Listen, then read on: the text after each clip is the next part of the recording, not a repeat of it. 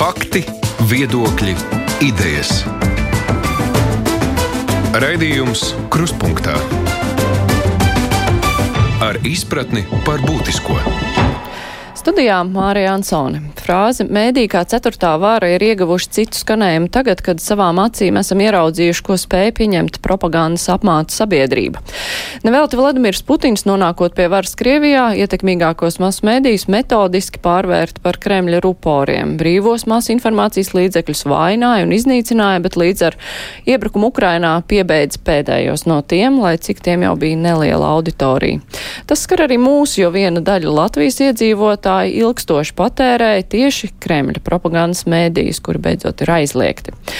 Tomēr cik spēcīga ceturtā vāra ir šeit Latvijā, vai pienācīgi novērtējam brīvas žurnālistikas lomu un darbības principus? Par to saruna ar sabiedrisko mediju ombudu, jeb tiesības ar Andi Androškalnu. Sveika, Anda! Labdien! Eh, nu, lielu vajadzību pēc kvalitatīviem mēdiem un vispār informācijas, eh, objektīvas informācijas sabiedrība izjūta sākoties karam, īpaši sākuma posmā, kad bija ārkārtīgi milzīga neziņa, bailes. Neviens eh, nezināja, kurā brīdī tas skars tieši mūs, un nu, mēdījiem tā bija milzīga atbildība. Kā viņi izturēja šo eksāmenu, gan privātie, gan sabiedriskie mediji? Jo tas bija kaut kas nebijis. Mhm. Cik es varu spriest, un man bija izdevība izanalizēt eh, vairāk, nu, faktiski divus mēnešus, um, vairāk mediju satura, īpaši Rusijas LSM, un visu laiku sekojot, tad, eh, manuprāt, tā apkopojošā atbilde ir, ka tas notika ļoti kvalitatīvi, ļoti ātri pārstruktūrējās eh, gan pirmkārt sabiedriskie mediji ar papildu saturu, ar daudzveidīgu saturu, ar ļoti lielu avotu, daudz, informācijas avotu daudzveidību. Pirmajā brīdī liekas, tur pamaz ārvalstu um, avotu, bet uh, tie bija piemēram pasaules panorāmā vai tajā pašā um, Rusēlesem. Tika atrasti jauni informācijas avoti, tika jauni žanri.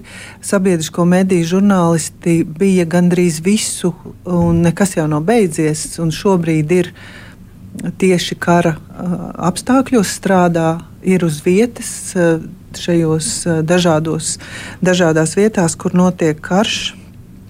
Un vienlaikus bija, protams, arī tādi, kas, ko es runājot ar eh, mediju ombudiem eh, Lietuvā, Igaunijā, citās valstīs, bija arī tāds kā apjukums, kā, kā, ko darīt, kā reaģēt, kā tādā apdraudējuma situācijā savienot savu profesionālos pienākumus un dziļākas vērtības, kur mēs arī redzējām, ka tik līdz tika parādīts teiksim, kāds avots vai um, Krievijas informācija tika publicēta, arī Latvijas žurnālisti saņēma ļoti asus pārmetumus tādā emocionālā gaisotnē. Tomēr labā ziņa ir tā, ka, ka arī šie pārmetumi vai, vai pirmā brīža apjukums, neziņa uh, tika ļoti profesionāli atrisināta. Tā arī pasakot, mēs darām savu darbu, mums ir daudzveidīga informācija, mēs pasakām, ja mēs kaut ko nezinām, bet mēs. Mūsu pamats ir tās vērtības, ka mēs esam pret vardarbību, pret citas uh, valsts uh, iznīcināšanu. Un, mm, jā, kopumā arī sekojot pasaules uh, tendencēm, es domāju, ka tas bija augstā profesionālā kvalitātē un arī tika pasūtīta ekspertu vērtējumi mm, tieši Rusu LSM saturam, par kuru bija, nu, teiksim, politiskajā vidē bija pretrunas un tāda kā neusticība un dažādas frāzes tika. Uh, tomēr arī ekspertu, nu, divu kolēģu, akadēmisku kolēģu uh, izvērtējumā arī bija teiksim, ļoti pozitīvas tendences konstatētas. Un es gribētu teikt, ka tiešām pateicoties sabiedriskiem un arī atsevišķiem komercmedijiem, kas daudz strādā ar or oriģinālu saturu, sevišķi TV3, mūsu sabiedrība varēja sekot visu laiku.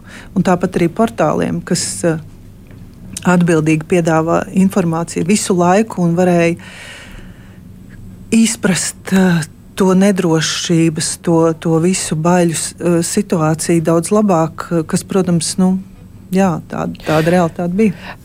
Jā, tu jau pieminēji šo kritiku, ko saņēma īpaši sabiedriskie mediji, nu, droši vien arī argumentējot, ka viņi tiek uzturēti no visu mūsu naudas, un tā kritika bieži vien bija saistīta ar to, kāpēc jūs uh, rādāt viņus, tos sliktos, tos Krievijas pārstāvis, un uh, tur kāds varbūt parēķina, ka tas ir parādīts vairāk, akcenti ne tādi ir salikti. Un tajā pašā laikā kādos lielajos rietumu mēdījos varbūt aiziet vesela intervija ar kādu Krievijas vēstnieku, kur viņš runā nu, tādas lietas, kas mums, no kurām mums visiem maticeļas stāvus, un tajā pašā laikā visi pēc tam pārpublicē, analizē, redz to visu absurdu, kas tiek runāts. Un, uh, Vai ir vispār kaut kādas vadlīnijas šādās situācijās, nu, ko mēs drīkstam rādīt un ko mēs nedrīkstam? Vai intervija ar kaut vai Putinu būtu pieņemama vai nebūtu pieņemama? No vienas puses mēs atklājam un parādām visu, kāds viņš ir, no otras puses mēs viņu viedokli laižam. Vai var vispār to sabalansēt, vai tas ir jāskatās katram mēdījam vienkārši pēc izjūtas? Nu, pats pamats ir, ka ir eh, profesionāli lēmumi un eh, žurnālisti var paši. Eh, tas pats galvenais ir, ka žurnālisti paši izvēlas. Un viņiem ir pamatojums, kāpēc tas ir vajadzīgs. Un tas, tas ir pats pamatprincips. Bet stāstā par pārmetumiem vai kritiku, es nezinu, vai mēs tagad varam. Tajā, tajā ir daudzas sadaļas. Teiksim, kara laikā arī manu darbu teiksim, uz, uzsākot, izjauca šīs kara realitātes, bija skaidrs vēstījums no eh, konkrēti tas bija no Latvijas televīzijas. Beigās eh, tika pieņemts eh, kara vadlīnijas, arī Latvijas rādio kolēģi akceptēja un iepazinās. Tātad bija jāizveido kaut kāds jauns pamats, kurā vēl un vēlreiz uzsvērt kā mēs saucam, kādas ir mūsu vārnīcas, kā mēs nosaucam, ko mēs darām ar tādu perspektīvu, kuras pārmērīga popularizēšana var izjaukt līdzsvaru un eh, kādā veidā mēs analizējam tos vēstījumus, kas uh, ir karu atbalstoši un tam līdzīgi. Tās kara vadlīnijas tika, eh, tika izveidotas, bet es, es būtu ļoti uzmanīga stā, runājot par, teiksim, atbildot kaut kā vienkāršoti. Nē, nekādā gadījumā nedrīkst intervēt Putinu. Kāpēc? Kāpēc? Varbūt ka tieši ka tas ir veids, kā kaut ko vairāk saprast. Bet, protams, to, tā nevar būt kaut kāda komplementāra intervija, kurā teiksim, žurnālistam nav nekāda profesionāla darba. Netiek ieguldīts, ka tiek dots rupors vienkārši turpināt, turpināt stāstīt to, kas viņam ir stāstāms, un turpināt melot, manipulēt. Tieši tas, tas ko mēs veidojot vadlīnijas rakstījām, ka ir jāanalizē. Mums ir jāzina, kādā veidā tiek konstruēti šie vēstījumi, kāpēc tie ir tādi, jāmēģina tie izskaidrot. Nevis vienkārši jāizslēdz un jādzīvo kaut kādā utopijā, kurā neeksistē. Lai gan reālajā darbībā ļoti daudz kas notiek. Balstoties uz šiem vēstījumiem, uz idejām un tādām vērtībām, eh, kuras mums eh, nav pieņemamas, bet ir izprotamas. Bet vai balstoties uz eh, šo kritiku, ka mums pārāk daudz ir redzams Lukašenko, Putins vai tur nezinu kāds Putina padomnieks, nu, mēdī sāk jau baidīties kaut ko tādu parādīt, un mums vairs nav ko analizēt. Nu, tas ir ļoti sarežģīts jautājums, un es gribētu to vairākās ieraudzīt tajā vairākas daļas. Es uh, atturētos, tas ir ļoti pieklājīgi, kā tu saki, kritika. Lielākoties šie pārmetumi ir līdzīgi uzbrukumiem. Tajā, tajos ir uh, ļoti maz konstruktīvā, un kad tu lūdz, uh, tad kur un kad tas bija, tad īsti nekādas atbildes nav. Un, uh, un man ļoti interesēja, no kurienes tie rodas šie, šie ļoti intensīvie pārmetumi. Un es, ga, es nepiedaru pie tiem, kuriem šķiet, ka viņu esošā inteligence var atbildēt uz visiem jautājumiem. Tāpēc es centos gan izpētīt, gan lasīt to, kas notiek citās, kas jau ir izpētīts, vai līdzīgs process, kas notiek citās valstīs. Un es ievēroju, sekojot šai komunikācijai, kas nebija tikai kara laikā, tā sākās arī pirms kara. Es ievēroju ļoti mērķtiecīgu vēlēšanos diskreditēt sabiedriskos mēdījus, apšaubīt, vai tie ir vajadzīgi, tādas frāzes, vai vispār sabiedrībai ir par tiem jāmaksā, ko tie vispār dara, kāda no tiem ir jēga. Un otrs lielais vēstījums, cik tie ir neprofesionāli, kas kļuva arvien briesmīgāks, es teiktu, kara pašā sākumā, kur izraujot kaut kādas frāzes, kaut kādus attribūtus, pieliekot noteiktām satura daļām, uh, tika mēģināts pateikt, ka sabiedriskie mediji ir uh, faktiski jau nodevēja statusā, ir sevišķi krievu valodā satura veidotāji. Kremļa aģenti. Jā, Kremļa aģenti, Kremlini. Nu, tur bija viss kaut kas kopā, arī Soros. Un sekojot tam visam, un ir, ir gan maksas uh, rīki sociālās tīklošanās platformu analīzē, un tu vari ieraudzīt kopainu un to savilkt kopā gan bezmaksas rīki. Tā kā pie manis nonāca kolēģu, sabiedrisko mediju cilvēku un arī ārpus nu, tādi bažas, kas notiek, kā mums tālāk strādāt. Uh, tas veicina pašcensūru, mēs vairs nevaram normāli strādāt. Es mēģināju tajā iedziļināties, un ko es redzēju? Es redzēju, ka diemžēl tās stratēģijas ir ļoti līdzīgas tam, pret kurām mēs cīnāmies. Šīs uh, kas ir redz, redzētas, eh, kad Krievijas eh, dažādi mm, finansēti uzņēmumi iejaucas vēlēšanās, kad eh, tiek publiski diskreditēti cilvēki un faktiski demokrātiskas institūcijas tiek dažādos veidos diskreditēts, un otrā stratēģija ir, ka tiek izvilkti noteikti cilvēki, kuri strādā vai nu šajās institūcijās, vai sabiedrisko mediju žurnālisti, un viņi tiek zīmogoti. Viņiem atliek, lai ko viņi darītu, viņi tiek visu laiku vajāti, ir neliels, tiek savākts neliels tāds atbalstītāju pulciņš, kurš tiek visu laiku uzkūdīts konkrētiem cilvēkiem. Un, Un turklāt tie pazemojumi ļoti reti, publiskie pazemojumi ļoti reti ir saistīti ar profesionālo uh, nu, performanci, ar profesionālo darbu. Uh, iejaucas uh, privātumā, diskriminē vai nu pēc etniskās piedarības, pēc dzimuma. Respektīvi, žurnālisti šajos uzbrukumos tiek faktiski dehumanizēti. Uz viņiem vairs neatiecas normālas cilvēku tiesības, kādas mēs respektējam attiecībā pret jebkuru uh, sabiedrības locekli. Tas ir ļoti bīstami, jo skaidrs, ka mērķis ir apklusināt.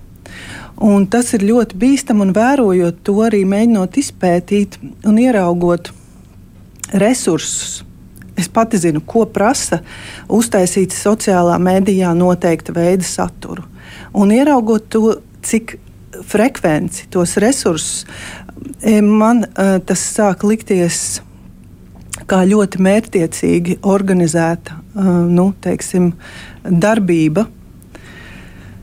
Lai, lai kopumā sabiedrībā diskreditētu sabiedriskos medijus, kas ir ietekmīgi, kuriem ir augsts uzticības līmenis, kas veido ļoti liela apjoma daudzveidīgu saturu, attīst profesionālo žurnālistiku un mēģināt apklusināt uh, šos cilvēkus. Jautājums ir, jā.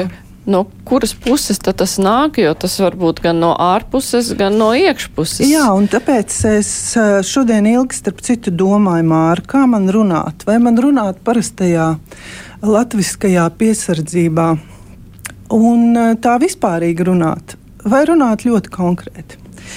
Un es esmu bijusi sanāksmē, kurā, šis, kurā man rāda ne tikai publiski, uh, publiskos pazemojumus, kas tiek rakstīti sociālos uh, platformās, bet uh, kāda veida ņirgāšanās, draudi tiek sūtīti arī nu, personiskus telefonu num, uh, numuriem uh, sabiedrisko mediju nozīmīgiem žurnālistiem.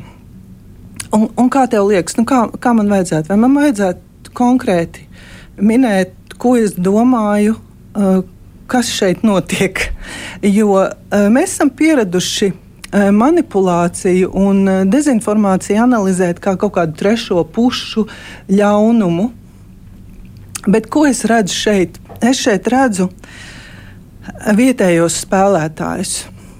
Un gan tie žurnālisti, gan es pati apzinos, ja es tagad klusētu, tie, tie uzbrukumi nemazināsies. Ja es tagad pateikšu, Eh, šie uzbrukumi būs vēl niknāki. Un tas ir tas, ko žurnālisti saka. Kad es viņiem saku, bet parādiet atklāti šo politiķu, kas jums tādā veidā pie jums vēršas, eh, šo citu publiskās komunikācijas eh, darbinieku, tad viņi saka, ai, bet viņš turpinās vēl drausmīgāk dragāt par mani, par manu ģimeni, par maniem tuvākiem cilvēkiem, mani dažādos veidos pazemot. Un, Un, bet es tajā redzu uh, klasiskās manipulācijas tehnikas, un tāpēc es varu pateikt savu piemēru. Jo arī es stājoties šajā amatā, saņēmu gan draudzīgus brīdinājumus, gan pāris vēstules, ko es uzskatu par draudiem, bet nu, tie nebija nāves draudi. Bet sarunās ar žurnālistiem izskanēja arī nu, tāda, tādas pakāpes. Izmisums, ka viena no kolēģiem teica, ka viņa, nu, viņa, grib, nu, ka viņa grib izdarīt pašnāvību reizēm. Un tad es domāju, ja mēs par to nerunāsim, tad, kad kaut kas notiks, nu, tad, tad visi teiks, ka neviens neko nerunāja. Es, es vienkārši klausos un domāju, nu, zinot arī to nu, gan mēdīju vidi, gan to, kā mēs esam apvienojušies, nu, lai kaut kādā organizācijā sevi aizstāvētu. Katram eh, žurnālistam lielākoties ir arī nu, viņa vadība, viņa redakcija aizmugurē. Un, eh, nu, un tas viss kopumā veido nu, to jomu žurnālisti. Nu, teiksim, salīdzinot ar uh, citām valstīm. Uh, Nu, kurš, kur, kur ir tas mūsu vājais punkts? Kāpēc mēs nevaram aizstāvēties? Ziniet, Vai kas, arī citur arī jā, ir tās pašas problēmas? Mūsu vājais punkts ir klusēšana. Mūs grib apklusināt, un mēs klusējam. Bet mums ir lielisks piemērs ar Jessiku Arro no, no Somijas, kurai, kura tiklīdz sāka Eh, runāt par eh, Krievijas dezinformāciju. Viņa, eh, viņa sā, tikta, tika pazemota, viņa tika padarīta par narkomāni, un viņai, viņu spīdzināja tādā veidā, ka viņa it kā zvanīja viņas mirušā tēva vārdā, ka es tevi vēroju un tam līdzīgi, un dažādā veidā mēģināja iebiedēt. Un, teiksim, es biju nesen sanāksmē ar Ukrāņu bijušajām žurnālistājiem, un, kas tagad pētījumā piedalās, un tāpēc es tur piedalījos. Līdzīgs tā, līdzīgs tā darba dzīve kā man, un viņas bija daudz drosmīgākas pateikt. Jā, pie mums ar informāciju, ar cilvēku prātiem manipulē ne tikai Krievija. Mums arī šeit ir digitāl, digitālās vidas uzņēmēji, un mēs par to atklāti runājam, un mēs, to, eh, mēs to parādām, kā viņi darbojas. Mēs neizliekamies, ka tā ir kaut kāda personiskā nepatika, un, un es pabeigšu ar savu piemēru. Uh, vad, uh, tā tad. Uh, vadlīnijās, rakstot kara vadlīnijas, es saņēmu arī, arī jautājumus no Rusēlēsiem kolēģiem, kurus es tur ātri vienā vēlā, vēlā vakarā mēģināju atbildēt. Tā kā kolēģiem šīs atbildes ļoti patika, tas tika publicēts kopā ar, kopā ar vadlīnijām. Un, protams, tās atbildes bija ļoti īsas, lakoniskas, un tur bija viens jautājums par to, cik teiksim, naidīgi vai cik kā var apzīmēt Putina. Pašu. Un tas bija pašā kara sākumā. Un es rakstīju, tā doma bija tāda, ka ir jābūt precīzai valodai. Un tā doma sasaistījās ar vadlīnijās minēto, ka jebkādam vērtējumam ir jābūt pamatotam un prec, jāveid, jā, jālieto precīza valoda. Kas tika momentā interpretēts kā mans aizliegums saukt Putinu par um, tātad, uh, diktatoru ko es nekad neesmu aizliegusi, un, pilni, un es, piemēram, ne to varu, ne gribu. Bet, uh, kā mana kolēģe, ar kuras dezinformācijas uh, darba grupā strādāja Eiropas komisijā, Klēra uh, viņai ir vesela grāmata un, un pieci vai septiņi dezinformācijas šie veidošanas paņēmieni, tad šeit ir vismaz trīs. Tā tad paņemt mazu uh, mazu patiesu informācijas gabaliņu, viņu manipulatīvi iesaiņot un uh, viedokli pārveidot par faktu, paziņot, ka es aizliedzu. Nekas tāds nav noticis, tie ir meli, bet ko mēs redzam? Mēs redzam ilgstošs oligarhu apkalpotājs Mārcis Bendiks. To atkārto katrā reizē, pat intervijā, kur viņam jautā pilnīgi par citiem jautājumiem, viņš ieliek to iekšā un nemitīgi šos melus par mani izplata. Lai gan neko tādu es neesmu darījis. Un tieši tāpat, kad mēs pasakojam sabiedrisko mediju izņirgātāju pulkam, ko mēs redzam, mēs redzam tur pieredzējušus manipulators, mēs tur redzam Jurģi Liepnieku, mēs tur redzam Lato lapsu, un viņa, viņu darbības ir ļoti līdzīgas tām, par kurām mēs kā par bīstamām runājam, tad, kad ar to nodarbojas eh, trešā, trešās valsts, mūsu gadījumā Krievijas eh, pusē. Un tas, cik tas ir intensīvi, liek domāt, ka tieši tāpat kā pētījumos noskaidrots, eh, tā ir uzņēmējdarbība, tie ir pakalpojumi, kur tiek sniegti. Jautājums ir pakalpojumi, kam tiek sniegti? No acīm redzot, šīs kompetences uh, un, un šīs iespējas publiski diskreditēt. Un, kad mēs paskatāmies, varētu domāt, jā, tur viņiem ir kaut kāda personiska nepatika pret mani vai pret, uh, nezinu, kādu no kolēģiem sabiedriskajiem medijos, bet, kad redz to plašo spektru un tos vienveidīgos Uh, paņēmienus, kur tevi apsūdz alkatībā, un ja nav kaut kāda pazemojoša fakta, tad uzbruk. Es esmu lasījusi vienkārši šausmīgus, vienkārši nolamā par stulbu vai, vai kaut kādas nemitīgas šīs ņirgāšanās. Un, tā tad acīm redzot, es pieļauju, ka ir. ir ko, nu, teiksim, ja tu gribi vienu komunikācijā apklusināt, tad eh, nu, tu gribi, lai tav, tavs skatījums dominētu, lai tev netraucē, lai neviens eh, nevar analizēt, ko tu dari. Jo viņš ir iebaidīts, viņš ir apsaukāts, viņš ir pazemots publiski, viņam vairs, nu, tā vairs it kā negrib uzticēties. Tāpēc es uzskatu, ka ir jādod pretsvars, ir par to jārunā, jo citādi trūkst balansa. Un nesen es izlasīju. Eh, nesen es izlasīju mm, rakstu krājumu, kas man, man bija iespēja recenzēt, kas iznāks kolēģiem Latvijas Universitātē. Tur skaidrīt Lasmani, kas man ir liela autoritāte. Un, Es esmu tagad arī ombudu darbā ar viņu reizēm konsultējusies.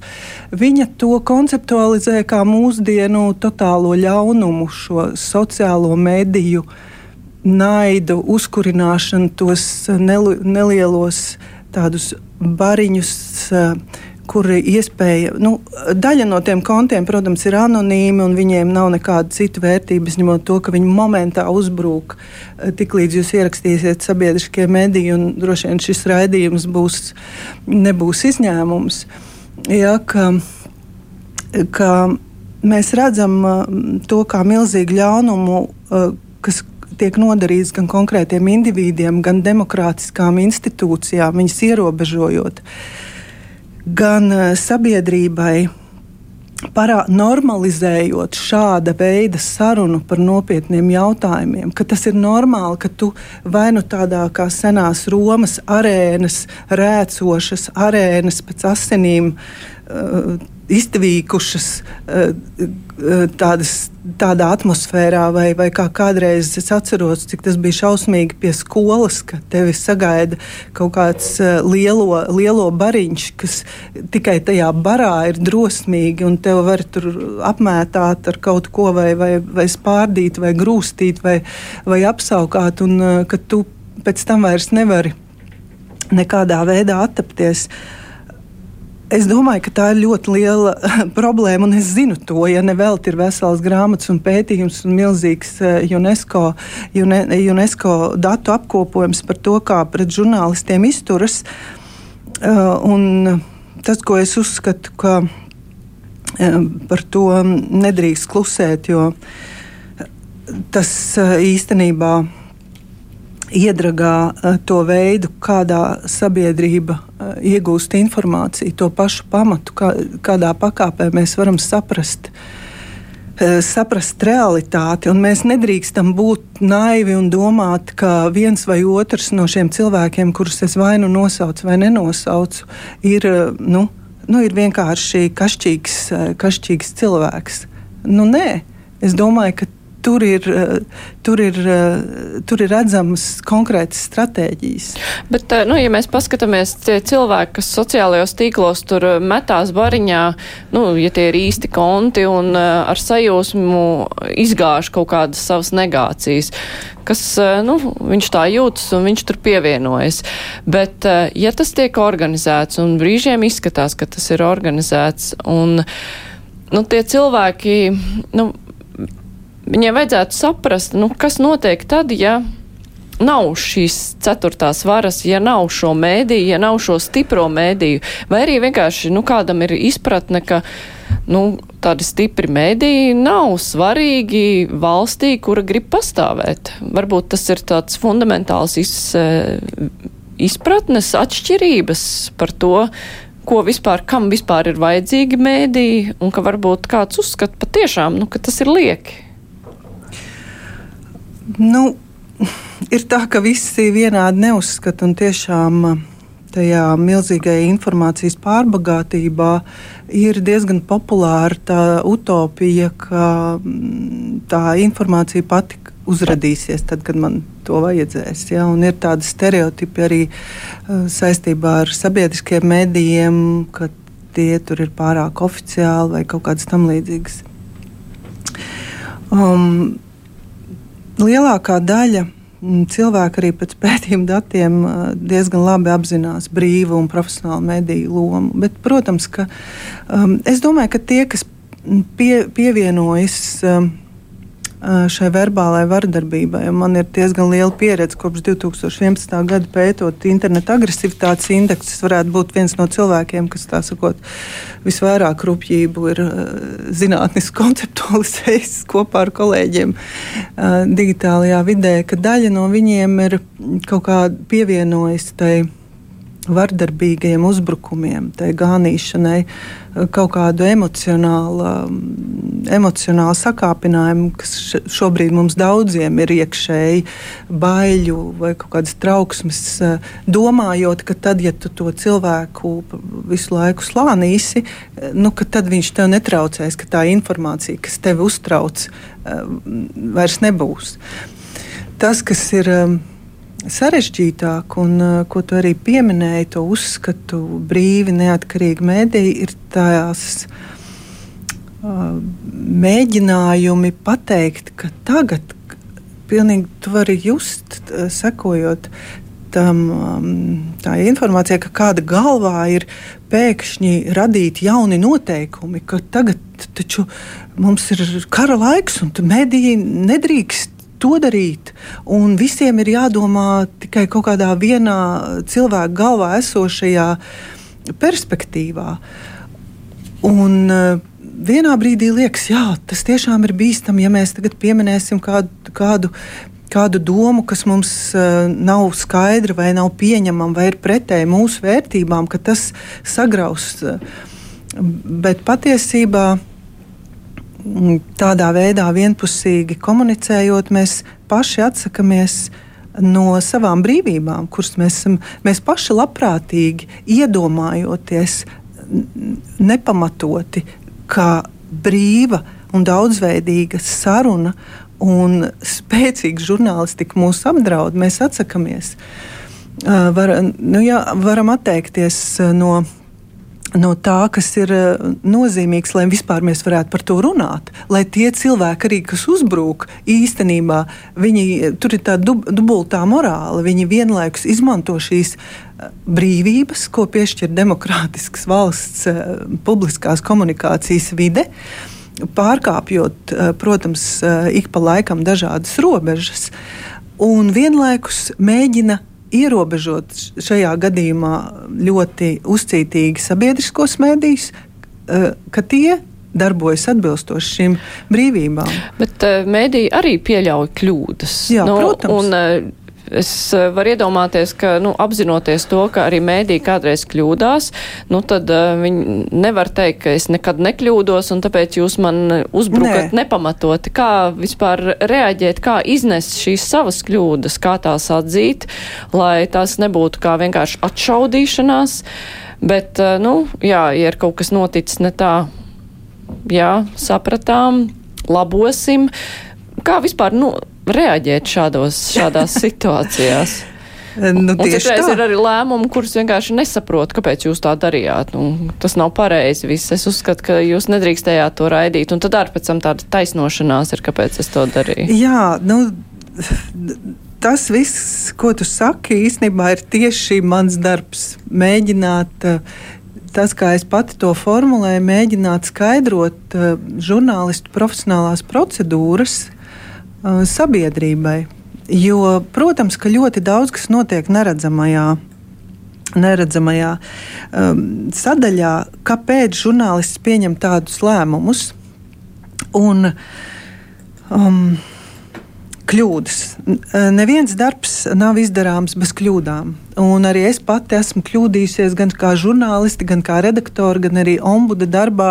Es pašreflektēju, paškritiski, ko es varētu darīt vairāk vai labāk un iespējams citādāk. Manuprāt, tas ir ilgs ceļš, lai mēs sabiedrībā šajās attiecībās ar auditoriju ieinteresētiem, tie, kas grib sarunāties, tiešām normāli diskusiju, nevis apspļaudīt uh, un gānīties. Ieraudzīt, ka ir kaut kāds iemesls, kāpēc vienkārši parasta informācija nav tā pati žurnālista informācija, kurš ir pārbaudīts, kurš ir uh, sabalansējis, ieraudzījis arī citas puses šais, šajā informācijā. Ak, uh, teiksim, konkrētā veidā to pasniedzis ka um, tas ir jāpaskaidro. Un, uh, Lai arī ir bail, jo, protams, ka tiem pārmetumu izteicējiem ir ļoti izdevīgi, ka tu, at, uh, ka tu savas kļūdas atzīsti, tad atkal tevi var saukt par neprofesionālu un, un citādākā veidā vispārinoši tevi uh, pazemot. Es domāju, ka nav cita, nav cita varianta, kā, to, kā to, par to atklāti runāt, un runāt arī par citiem problēmu jautājumiem. Piemēram, kā, tagad, kā mēs pieņēmām lēmumu, kā tagad kara šajā posmā atspoguļot to Ukraiņas pozīciju, ja, kurai arī ir ļoti, ļoti spēcīga nu, informatīva tāda informatīvs svars kopējā mediju vidē. Un tas nav vienas dienas jautājums, jo mēs jau redzam to, kas bija ar Ilju Kozinu, kur viņš tiešām kļūdījās, atzina kļūdas. Man arī bija jāatzīst, kā ombudam, teiksim, viņa, viņa kļūda. Viņš tika spārdīts par visu, gan par to kļūdu, ko viņš momentā atzina, atvainojās, gan par gan par, tātad, gan par šo atvainošanos. Ja, un, un tur nav variantu. Šiem cilvēkiem nekad nebūs labi, jo tie paši, kas mani apspļauda par nu, ma, teiksim, kaut kādu manu ieteikumu, manipulatīvi ietērpj un, un izņirgā, tie paši priecīgi. Uh, ņirgājas par žurnālistu, kuras esmu atzinusi, ka ir pārkāpts ētikas principi. Ja? To noliekam malā. Man liekas, mēs pārāk ilgi par to runājam, bet tā ir tiešām problēma, kas attiecas uz tādas demokrātiskas institūcijas kā sabiedrisko mediju kvalitāti un kopumā mūsu sabiedrības uh, demokrātijas veselību, bet domāt par, uh, par pārējo sabiedrību, kas īstenībā ir vairākums, kura labprāt gribētu saprast. Un, Un tādā ziņā man ļoti palīdzēja pagājušajā nedēļā. Es tikos ar zinātnē žurnālistu Uh, Florianu uh, Gotieru, un viņš stāstīja, ka nu, viņš saņem regulāri nāves draudus, viņš dzīvo organizētos nāves draudos, kā viņš pats ir atklājis un izpētījis. Un, uh, viņš saka, tiem visiem, kas viņu apskaukā par to, ka viņš labo savas kļūdas. Viņš saka, bet 90 reizes es nekļūdījos, un tad es vienreiz kļūdījos. Bet vai jūs, tie, tie, kas mani apskaukā, vai jūs es, esat publiski atzinuši savu kļūdu? Un es vienmēr skaidroju, un pat tad, kad es nesaprotu, kā man tas gadījās, vai es biju pārguris un kāpēc es varbūt kaut kādu Es to vienalga izskaidroju. Un tad nāci, esiet tādi paši. Tur jābūt kaut kādai līdzvērtīgai. Vai tas, kas man uztrauc, ir šī nelīdzvērtība, ka sabiedrisko mediju žurnālistu redaktoriem jāievēro pieklājība, viņiem jāievēro savu, um, sava darba uh, pamatprincipi, ētikas normas, bet šie uzbrucēji viņiem nekas. Tur likuma nav. Tieši tā, arī tajās mm. hibrīda vietnēs, kas ir izveidotas uh, minētajiem cilvēkiem tās nekādā veidā neatbilst nekādiem profesionāliem principiem. Un, um, Jā, tāpēc es domāju, ka man ļoti patika, kā kolēģis Mārtiņš Dauguls teica, ka kļūdas ir mūsu nākamās veiksmes dzinējs, ja, vai degviela tai veiksmes dzinējam, ka mēs kopā varam nostāties ar auditoriju līdzvērtīgās pozīcijās, jo tāpat taču tie visi cilvēki, katrs savā darbā kļūdās un var saprast, bet mēs labojam tās kļūdas kā žurnālisti. Mēs cenšamies labot, un tas, kas ir izdarīts jau kopš es strādāju par ombudu, ir notikusi labā lieta sabiedrisko mediju mājaslapās un arī ombuda vietnē ir, var, var redzēt šos visus eh, lēmumus, skaidrojumus, Jo ētikas jautājumi nav tāda viena faktora jautājums. Tie ir diezgan sarežģīti, bet tas ir atklāti parādīts un sabiedrība var iepazīties. Es atgādināšu klausītājiem, vēlāk Latvijas televīzijas skatītājiem, ka šodien eh, mūsu lielā intervija ir ar sabiedrisko mēdīju tiesību sardzi Andru Roškalnu. Mēs tūlīt turpināsim. Raidījums Krustpunktā. Saimā šonedēļ ir eh, paredzēts lemt, galīgi izlemt par uh, sabiedriskajos medijos saražotā satura nodošanu komercmēdījiem. Tas ir saistīts uh, šobrīd ar karu Ukrainā un to, ka nu, ir viena, es jau sākumā minēju, ka ir viena daļa sabiedrības, kas ir dzīvojusi Krievijas propagandas šajā te visā gaismā un viņiem arī ir jānogādā objektīva informācija, vai šis ir ceļš, kā to var izdarīt? Es ļoti šaubos, es neredzu to kauzalitāti, ka titrējot eh, panorāmas ziņas vai, vai uz, uzrakst virsū krieviski iztulkojot ar, ar balss palīdzību, vai, vai tas izdosies. Un eh, tik daudz, kas ir pateikts, bet eh, manuprāt, ir jāprecizē mērķis, ka šim, eh, šai idejai nodot komercmedijiem sabiedrisko mediju saturu ir divi mērķi. Viens mērķis ir palīdzēt Ukraiņas iedzīvotājiem saņemt informāciju par Lat tiem, kas šeit Latvijā ir. Un otrs - sasniegt to krievalodīgo iedzīvotāju daļu, kas līdz šim ir patērējis Krievijas mēdījis. Un, uh, tas ir vien jau šie abi mērķi. Liekas, ka tie ir sasniedzami ar vienu un to pašu paņēmienu, bet pašlaik es neredzu to, to efektu, jo sabiedriskie mediji ir pieejami visos iespējamās, par brīvu visās Tieši, iespējamās platformās, gan latviešu, gan krievu valodā. Uh, ļoti daudz uh, latviešu uh, brīnišķīgās programmas, pētnieciskā, žurnālistika, analītiskā tiek tulkota jau krieviski.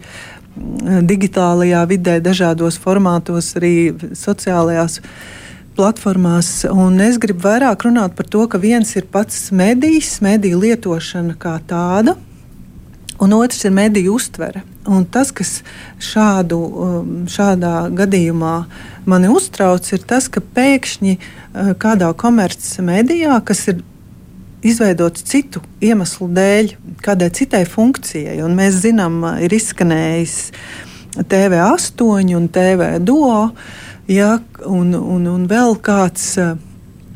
Uh, to mērķis nav piedāvāt analītisku vai kvalitatīvu informāciju. Tur ir šovi un Un to, ko es zinu no sabiedrisko mediju uztveres pētījumiem, un Jānis Juzefovičs to vēl varētu detalizēt paskaidrot, jo viņš ir vairāk to pētījis, kā krievalodīgi iedzīvotāji uztver sabiedriskos medijus. Uh, kopumā uzticis vairāk nekā puse, bet uh, ir tā, tās bāžas, vai tie nav pārāk valstiski, vai tur tā informācija reizēm ir dzirdams tas stereotips saistībā ar krievlodīgo iedzīvotāju uztveri, vai tur nav tā pati propaganda, ko viņi redz, nu, ko mēs kritizējam jau Krievijas pusē, ja tā informācija varbūt ir tikai citādāk ierāmēta.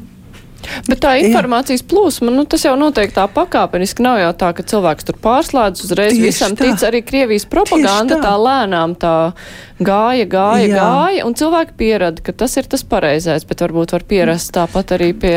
Nu, to, to man būs grūti teikt, jo par to nav dati, bet paskatīsimies, ja piemēram TV TV8. Nu, mums tur ir super sieva, tur ir ģimenes melodrāma, un tagad pēkšņi parādās panorāmas ziņas pa vidu.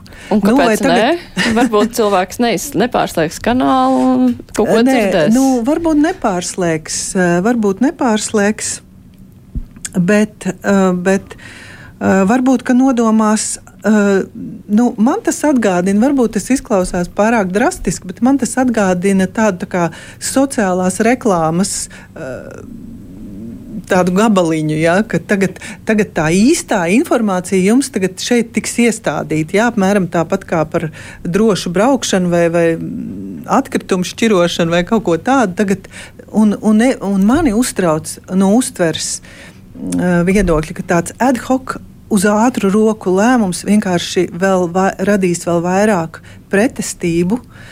Um, skatoties no tās auditorijas perspektīvas, no sabiedrisko mediju neatkarīgas darbības un stiprināšanas perspektīvas, kas ir mana, mans pienākums īstenībā, aizsargāt sabiedrisko mediju neatkarību, es redzu tādu uzrobežas iejaukšanos satura lēmumos, kur tas saturs būs, kāds tas būs.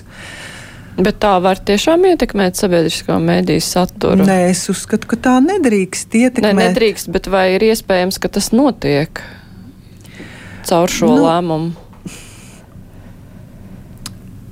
Ne, netiešā veidā tas liek domāt par tādu risku. Jo tad apzinoties, redaktori un žurnālisti strādā ar savu auditoriju, seko savai auditorijai. Un ja tev ir zināms, ka tagad tev ir jādomā, tu pat reizēm nezini, kur, kā, kādā veidā tas tevis veidotais saturs parādīsies.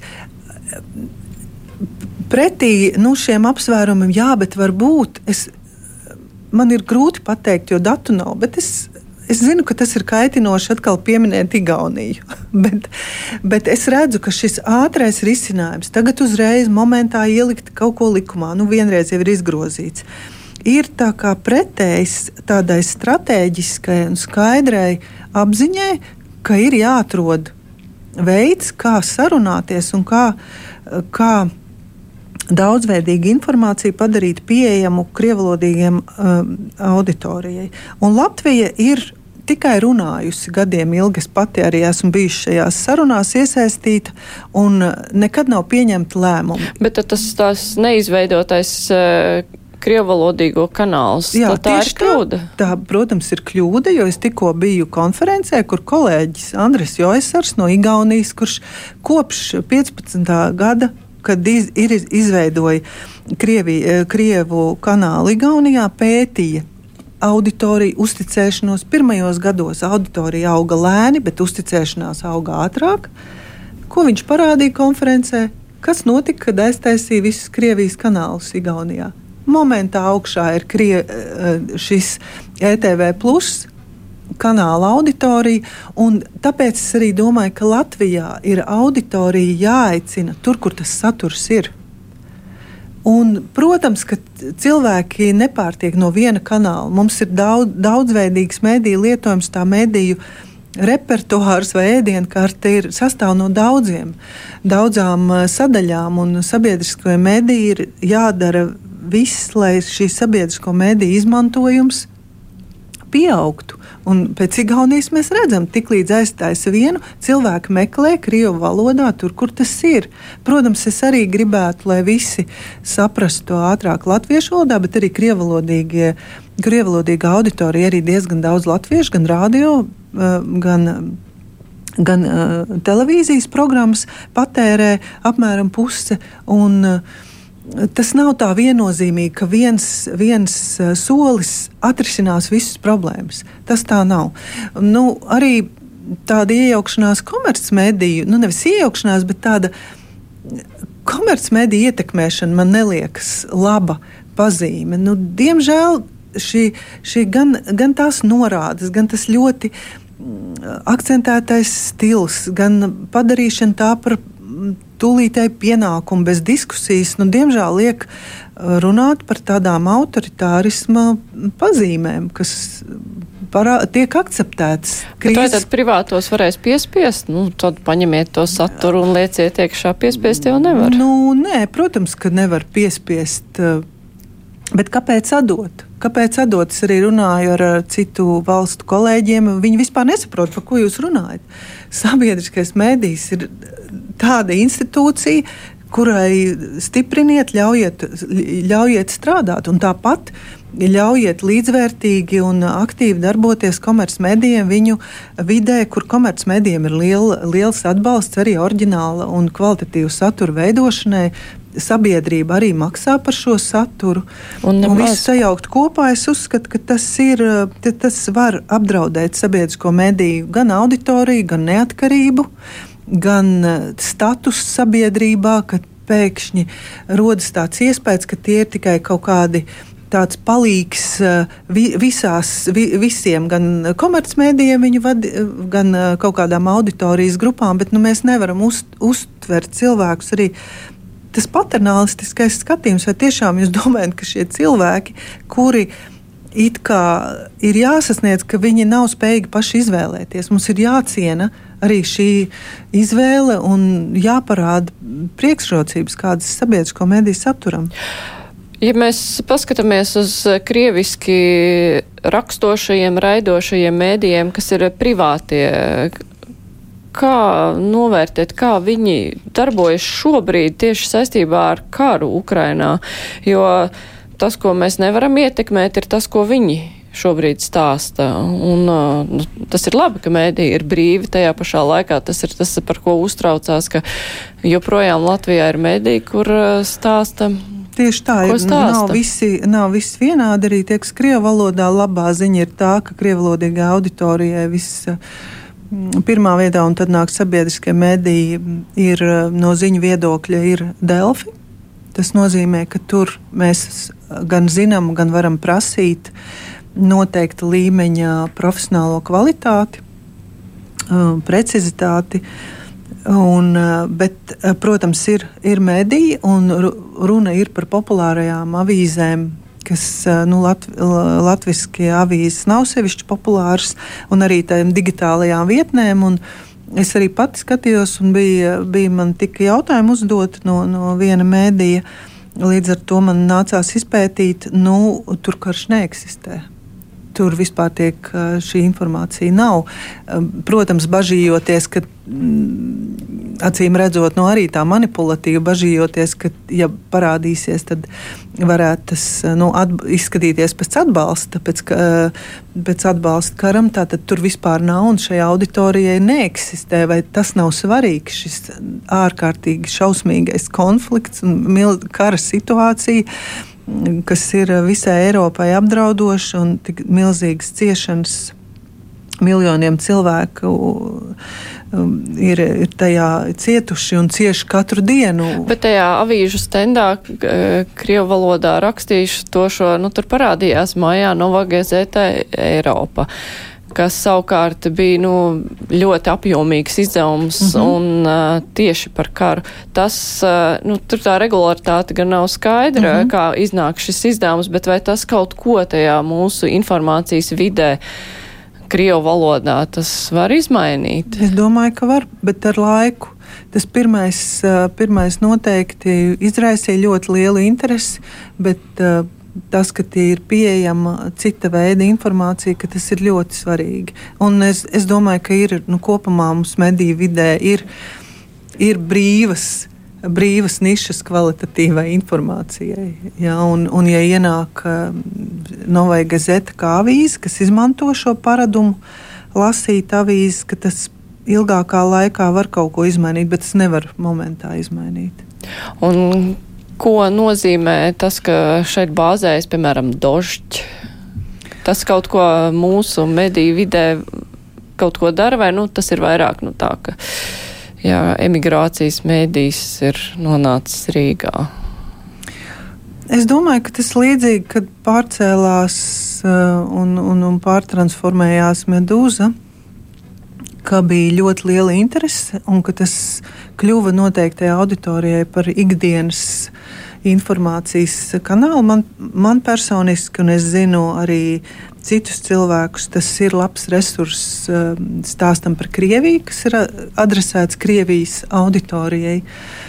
Dožģis ir um, tāds interesants um, projekts, kas arī ilgi turējās un bija kā, nu, savā ziņā neatkarīgs. Arī, jā, jā, cerēja arī noturēties, bet Jā, bet nenoturējās. Visiem, un tas ir īstenībā tas, ko es gribēju teikt. Tu klusē, tu pielāgojies, tu kaut kā norīji, un beigās vienalga tevi nospiež. Ja? Kad, tad, tas, ko Ukrāņi pārmet šiem it kā neatkarīgajiem, ka viņi necīnījās pietiekoši pret, ka viņi samierinājās, ka viņi pielāgojās tai ļoti vardarbīgajai videi. Un gal bet, galā tā pielāgošanās arī neko nenesa.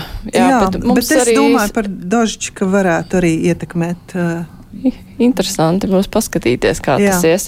Es saku paldies šodien kopā ar mums sabiedrisko mediju ombuds, jeb tiesības ar Zandru Rožakalni, un īsi piebildīšu, ka rīt mēs turpināsim sarunu par sabiedrisko mediju saturu nodošanu komercmedijiem, analizēsim visus par un pret. Tā kā klausieties arī rītdienas raidījumu, bet šodien kruspunktā izskan raidījuma producenti Revi Junām, studijā bija Mārija Ansone. Visu labi, tiekamies arī rīt!